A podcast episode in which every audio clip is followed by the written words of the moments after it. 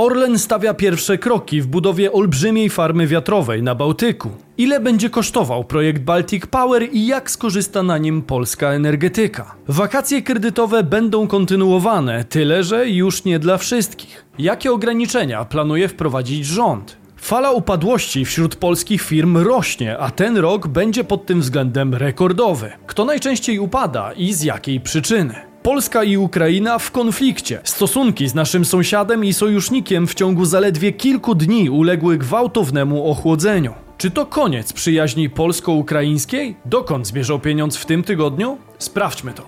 Bizweek. Cotygodniowy przegląd świata biznesu i finansów. Cześć, tutaj Damian Olszewski i witam Was serdecznie w programie Praktycznie o Pieniądzach i kolejnym odcinku informacyjnej serii Bizweek, gdzie co tydzień otrzymujecie dawkę najważniejszych informacji ze świata biznesu i finansów. Ten tydzień także nas nie zawiódł i obfitował wydarzenia ważne z perspektywy geopolitycznej i ekonomicznej. Czas to pieniądz, więc zaczynajmy. Baltic Power nadzieja dla polskiej energetyki? Baltic Power, spółka należąca do grupy Orlen, zabezpieczyła sobie znaczące finansowanie na realizację projektu morskiej farmy wiatrowej na Bałtyku. Umowy kredytowe zostały podpisane z konsorcjum składającym się z 25 instytucji finansowych, zarówno polskich, jak i zagranicznych. Maksymalna moc farmy wyniesie do 1200 MW.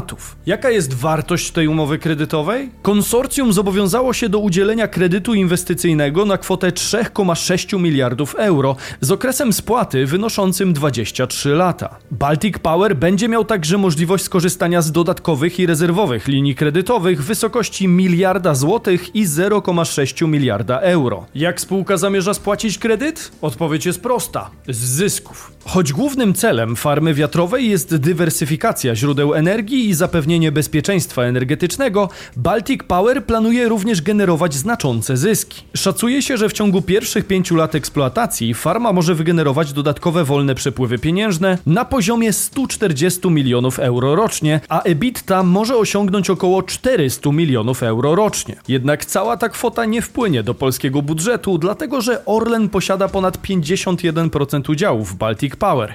Innymi słowy, polskie udziały są ograniczone, a całą inwestycję można nazwać tak zwanym joint venture.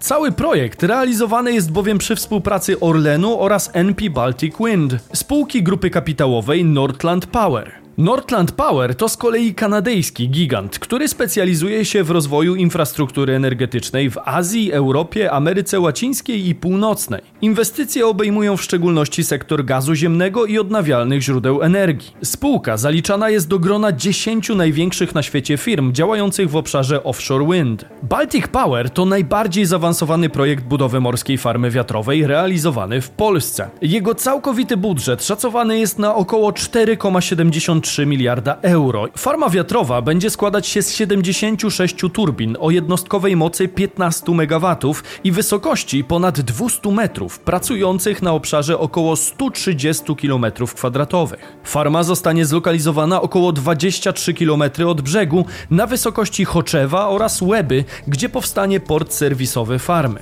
Po zakończeniu budowy inwestycja ma być w stanie zasilić czystą energią ponad 1,5 miliona gospodarstw domowych. Projekt jest częścią szeroko zakrojonej polityki energetycznej Polski do roku 2040, znanej skrótowo jako PEP 2040. Główne cele polityki energetycznej Polski opierają się na ośmiu kierunkach, które widzicie na planszy. Baltic Power nie jest tylko kolejnym projektem energetycznym, ale stanowi jedno z kluczowych przedsięwzięć w strategii grupy Orlen. Spółka ma za zadanie przyczynić się do realizacji naprawdę ambitnego celu, jakim jest osiągnięcie 9 gigawatów mocy zainstalowanych w sektorze energetyki odnawialnej do roku 2030. Zgodnie z założeniami PEP 2040 planowane jest osiągnięcie mocy zainstalowanych wiatraków na poziomie około 5,9 gigawatów do 2030 roku, a do 2040 roku około 11 gigawatów. W porównaniu z celem strategii krajowej, plan Orlenu wydaje się znacznie bardziej ambitny. Zakłada bowiem osiągnięcie 9 gigawatów mocy zainstalowanych w energetyce odnawialnej już do roku 2030. Stąd rodzi się zasadne pytanie, czy Orlen zrealizuje swoje zaawansowane założenia, czy też będzie to wyzwanie zbyt duże, nawet dla tak dużego gracza. Podzielcie się opinią w komentarzach. Fala upadłości w Polsce. Dlaczego jest ich coraz więcej? Ostatnie dwa lata były pełne wyzwań zarówno dla przedsiębiorców, jak i konsumentów. Najpierw lockdowny związane z COVID-19, a potem wojna na Ukrainie. To tak zwane czarne łabędzie, których większość z nas nie uwzględniła w swoich planach. Wysoka inflacja i stopy procentowe drastycznie zwiększyły koszty i dostępność kredytu, pozbawiając płynności wielu Polaków. Obecnie wychodzi to w rekordowym wzroście liczby upadłości, odnotowanym choćby w pierwszym półroczu 2023. Przyrost upadłości notujemy w Polsce od lat, ale w tym roku będzie on szczególnie widoczny. Od stycznia do czerwca niewypłacalność ogłosiło bowiem ponad 2,5 tysiąca firm. To prawie tyle, ile w ciągu całego 2022 roku, w którym to upadły 2752 przedsiębiorstwa. Tym samym liczba upadających firm zwiększyła się o 48% w stosunku do drugiego półrocza 2022. Sytuacja jest szczególnie dotkliwa dla małych organizacji i mikrofirm. Płynność finansowa takich podmiotów wielokrotnie przechodzi sytuacje kryzysowe. Dlaczego to właśnie małe podmioty obrywają najmocniej? Cóż, takie firmy w łańcuchu dostaw są często na ostatnim miejscu, jeżeli chodzi o oczekiwanie na płatność. Ich płynność zwykle nie jest zabezpieczona tak jak u dużych graczy, a kiedy odetniemy im źródło finansowania z banku, na które na przykład brakuje już zdolności, to problem gwarantowany. Do tego większe organizacje często wykorzystują sytuację i wydłużają terminy płatności. W wielu branżach coraz częstsze stają się 45, 60 czy nawet 90-dniowe terminy płatności, a podatki płacimy tu i teraz. Przy obecnej inflacji te 2 czy 3 miesiące oczekiwania przekładają się na realną stratę. W tym czasie firma ani nie obraca tym kapitałem, ani nie skorzysta z pełnej wartości środków z racji utraty wartości pieniądza w czasie. Wykonana usługa jest w takich warunkach tańsza niż wskazuje na to nominalna wartość faktury, a zysk firmy jest pomniejszony. Do tego co jeśli na fakturze jesteśmy bogaci, a pieniędzy na wynagrodzenia i inne koszty firmy brakuje. Wtedy bankructwo puka do drzwi. Zatory płatnicze to w naszym kraju prawdziwa plaga i najczęstsza przyczyna klęski niewielkich firm. Dlatego warto pracować nad odpowiednim zarządzaniem przepływem pieniężnym i brać takie czynniki pod uwagę. Dla przedsiębiorców istnieją różne narzędzia, które mogą to ułatwić, takie jak na przykład factoring. Problem jednak w tym, że nadal mało kto słyszał o faktoringu i dla MŚP i mikrofirm wciąż jest to narzędzie niszowe. Dlatego pokrótce postaram się Wam wyjaśnić na czym to polega, bo nigdy nie wiadomo kiedy ta wiedza może Wam się przydać. Faktoring to w dużym uproszczeniu wymiana faktur na gotówkę. Dla przykładu, kiedy firma widzi, że koszt usług lub materiałów rośnie z miesiąca na miesiąc w dosyć szybkim tempie, to warto skorzystać z faktoringu. Firma świadcząca taką usługę, tak faktor, wypłaca nam wtedy środki wcześniej, co pozwala ponownie nimi obrócić lub zakupić materiały już teraz. Płatność z faktury otrzymujemy dzisiaj, a nie na przykład za 60 dni. Przedsiębiorca zabezpiecza w ten sposób płynność i może szybciej działać, oszczędzając pieniądze w średnim terminie i realizując pełny potencjał produkcyjny. Dodatkowo faktoring jest tylko częściowo zależny od WIBOR-u, w przeciwieństwie do kredytu, a jego koszt jest w całości wliczony w koszty firmy. Oczywiście tak zwany faktor, podobnie jak bank, nie jest firmą charytatywną i pobiera stałą prowizję za szybszą wypłatę środków z faktury ale mimo to często bardziej opłaca się skorzystać właśnie z faktoringu, w którym ścieżka procesowania wniosku jest dużo prostsza. Tyle, że właścicielom niewielkich firm często brakuje świadomości co do istnienia innych narzędzi płynnościowych niż tylko kredyt bankowy. Mimo, że cała branża faktoringu od 5 lat rośnie w Polsce w tempie dwucyfrowym, stając się alternatywą dla kredytów obrotowych i udostępniając dodatkowe finansowanie.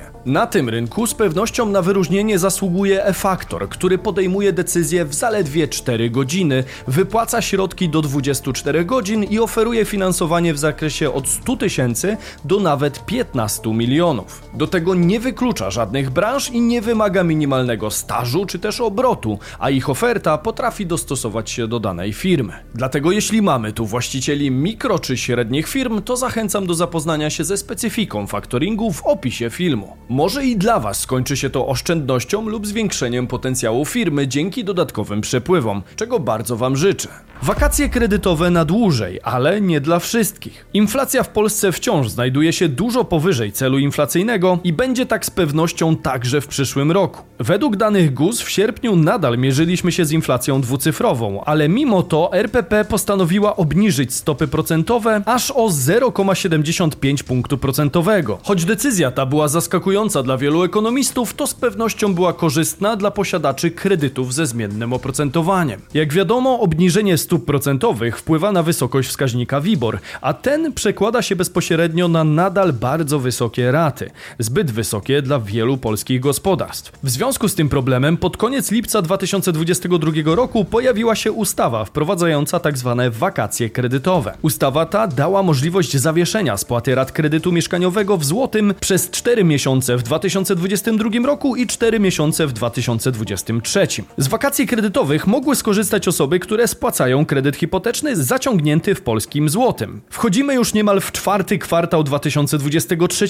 Pytanie zatem, co dalej z tym programem? Zatem, czy w przyszłym roku także możemy liczyć na kilka miesięcy bez rat kredytu hipotecznego? Wszystko na to wskazuje. Mimo, że stopy procentowe spadają, to wciąż są na takim poziomie, że część gospodarstw domowych może mieć problemy ze spłatą zobowiązań kredytowych, powiedział na antenie Polsat News Mateusz Morawiecki. Przedłużenie wakacji kredytowych ma być jedną z pierwszych inicjatyw PiS w nowym Sejmie. Jak tłumaczy premier, w przyszłym roku zapowiadana inflacja to 6,5%, a kredyty zaciągano, gdy była ona na poziomie 1, 2 czy 3%. Ze względu na te różnice proponujemy przedłużenie wakacji kredytowych. Jednak nie dla wszystkich będzie to dobra wiadomość. Do tej pory nie było żadnych ograniczeń, jeśli chodzi o zgłaszanie wniosków. Z kolei od nowego roku nie każdy załapie się na wakacje kredytowe. Ta decyzja już jest, mogę ją przekazać. Wakacje kredytowe przedłużamy na cały przyszły rok, tylko wdrażamy kryterium dochodowe, zapowiedział premier. Z pewnością w tej sytuacji banki nieco odetchnęły z ulgą. Bowiem jak podaje Pub Business, wakacje kredytowe w Polsce cieszyły się naprawdę dużą popularnością. Do 23 lipca z wakacji kredytowych skorzystało 1 945 tysięcy kredytobiorców, czyli 56% uprawnionych. Wakacjami kredytowymi objęte były zobowiązania, które sumują się do kwoty 283 miliardów złotych. Jaki będzie więc próg dochodowy wykluczający z możliwości skorzystania z wakacji kredytowych? Na tą chwilę tego jeszcze nie wiemy wiemy, ale z pewnością będziemy Was informować. Na pewno rząd nie chce, żeby z wakacji mogli skorzystać ci bardziej zamożni, których stać na spłatę kredytu. Czy jest to sprawiedliwe? Ciężko powiedzieć, bo na wysokim wiborze tracą de facto wszyscy kredytobiorcy, ale ci, co zarabiają trochę więcej, chyba już przyzwyczaili się do braku pomocy ze strony państwa. Nieco gorzej, jeśli znajdziemy się zaledwie odrobinę ponad progiem dochodowym. Wakacje kredytowe pozwalają choćby na nadpłatę zobowiązania w chwili, gdy odsetki są bardzo wysokie, a to może się przełożyć na spore oszczędności z biegiem lat. Ile zaoszczędzą na tym kredytobiorcy w przyszłym roku? Weźmy pod lupę przykład osoby, która spłaca kredyt zaciągnięty w kwietniu 2021 roku na 30 lat na 300 tysięcy złotych. Bez wakacji kredytowych taka osoba w 2022 roku musiałaby oddać do banku prawie 24 tysiące złotych w ratach. Jeśli skorzystałaby z pomocy, zaoszczędziłaby 9,8 tysiąca złotych. W tym roku dzięki wakacjom kredytowym w portfelu zostanie 9,4 tysiąca złotych. Z kolei w 2024 przeszło 7,5 tysiąca złotych. Mimo mniejszej różnicy w przyszłym roku, kwota ta na pewno pozwoliłaby odetchnąć finansowo i nadpłacić kredyt lub załatać nadszarpnięty budżet. Gwałtowne ochłodzenie relacji Polski z Ukrainą. Polska wspiera Ukrainę na każdym możliwym polu od rozpoczęcia wojny, angażując się politycznie, gospodarczo i finansowo. Jednak od czasu jednostronnego przedłużenia embarga na ukraińskie zboże, relacje państw znacząco się ochłodziły. Między innymi za sprawą kontrowersyjnej wypowiedzi ukraińskiego przywódcy na forum ONZ. And it is alarming to see how some in Europe, some our friends in Europe play out solidarity in political theater, making thriller from the green. And they may seem to play their own role, but in fact, they are helping, helping set the stage to a Moscow actor. Wystarczył tydzień, aby z oficjalnej narracji o przyjaźni przejść w coś na wzór wojny handlowej. Polska obecnie stara się chronić interesy rolników, ignorując przy tym zalecenia Komisji Europejskiej. Z kolei Ukraina stara się wymusić na nas otworzenie granic wszelkimi dostępnymi metodami. Każda ze stron walczy o swój interes i ciężko się temu dziwić, dlatego że sąsiednie kraje są dla Ukrainy bezpiecznym rynkiem zbytu w obliczu odcięcia przez Rosjan portów czarnomorskich. Wypowiedź prezydenta Zełańskiego nie pozostaje bez echa, a polski prezydent także pozwala sobie na mocne porównanie. My jesteśmy tym, który ratuje. Jak jest tonący, każdy, kto, kto kiedykolwiek brał udział w ratowaniu tonącego, czy każdy, kto kiedykolwiek mm, uczył się o tym, co dzieje się w trakcie w tej sytuacji, wie o tym, że człowiek tonący jest niesłychanie niebezpieczny, ponieważ może pociągnąć w głębiny. Ma siłę niewyobrażalną na skutek obawy osobistej, pływu adrenaliny mm, i może po prostu utopić ratującego. Y, Chwyta się wszystkiego, mówi się przecież w przysłowiu tonący brzytwy się chwyta. Rzeczywiście tonący chwyta się wszystkiego, czego się da. Trochę to jest taka sytuacja jak dzisiaj między Polską a Ukrainą. Ukraina zdążyła już złożyć na nas skargę do Światowej Organizacji Handlu, która najpierw zarządzi negocjacje między stronami. Problem w tym, że w tym przypadku kompromis oznacza przegraną w oczach wyborców. Ponadto Polska także musi dbać o własny interes handlowy, a ukraińskie zboże tak naprawdę dalej przekracza naszą granicę, tyle że nie jest tutaj sprzedawane. Wciąż pomagamy w kwestiach tranzytowych, udostępniając własne porty i pozostałą infrastrukturę. W obliczu konfliktu zbożowego i śmiałych posunięć ze strony Ukrainy, polski rząd także decyduje się na stanowcze ruchy i użycie argumentów siły. Premier deklaruje koniec dostaw broni na Ukrainę i potencjalne rozszerzenie embarga na inne produkty, jeśli nasi sąsiedzi zdecydują się dalej eskalować konflikt. Przestrzegam władze ukraińskie, jeżeli będą eskalować konflikt, to będziemy dokładać kolejne produkty do zakazu wwozu na terytorium Polski, zapowiedział premier Mateusz Morawiecki. Ukraińcy odbijają piłeczkę, grożąc zakazem wwozu niektórych produktów rolnych z Polski, uderzając tym samym ponownie w polskich rolników. Ukraina co prawda deklaruje, że zależy jej przede wszystkim na porozumieniu, ale póki co kolejne wypowiedzi polityków jedynie okopują strony na swoich stanowiskach. Konflikt nabiera więc rozpędu, a następne dni pokażą, czy Ukraińcy zdecydują się na kolejne kroki. Polscy rolnicy mają prawo czuć się niepewnie w obliczu gruźb, a otworzenie się na ukraińskie zboże dla wielu z nich mogłoby oznaczać koniec działalności. Pytanie, jak zakończy się ten spór i czy Polska powinna trzymać się embargo, czy może szukać porozumienia. Podzielcie się opinią w komentarzu. Warunki rynkowe tego konfliktu, strukturę ukraińskiego zboża i wiele innych ciekawych szczegółów znajdziecie z kolei w osobnym odcinku. Zachęcam do nadrobienia. Jeśli doceniacie naszą pracę, to zostawcie hashtag Bizweek w komentarzu. Przedsiębiorcom przypominam o dodatkowym finansowaniu dzięki e-faktor pod linkiem w opisie filmu. Tymczasem subskrybujcie kanał tak, abyśmy być może dotarli do 500 tysięcy widzów na moje urodziny. To byłby wspaniały prezent. Do zobaczenia jak zwykle w sobotę i niedzielę o 15. Cześć!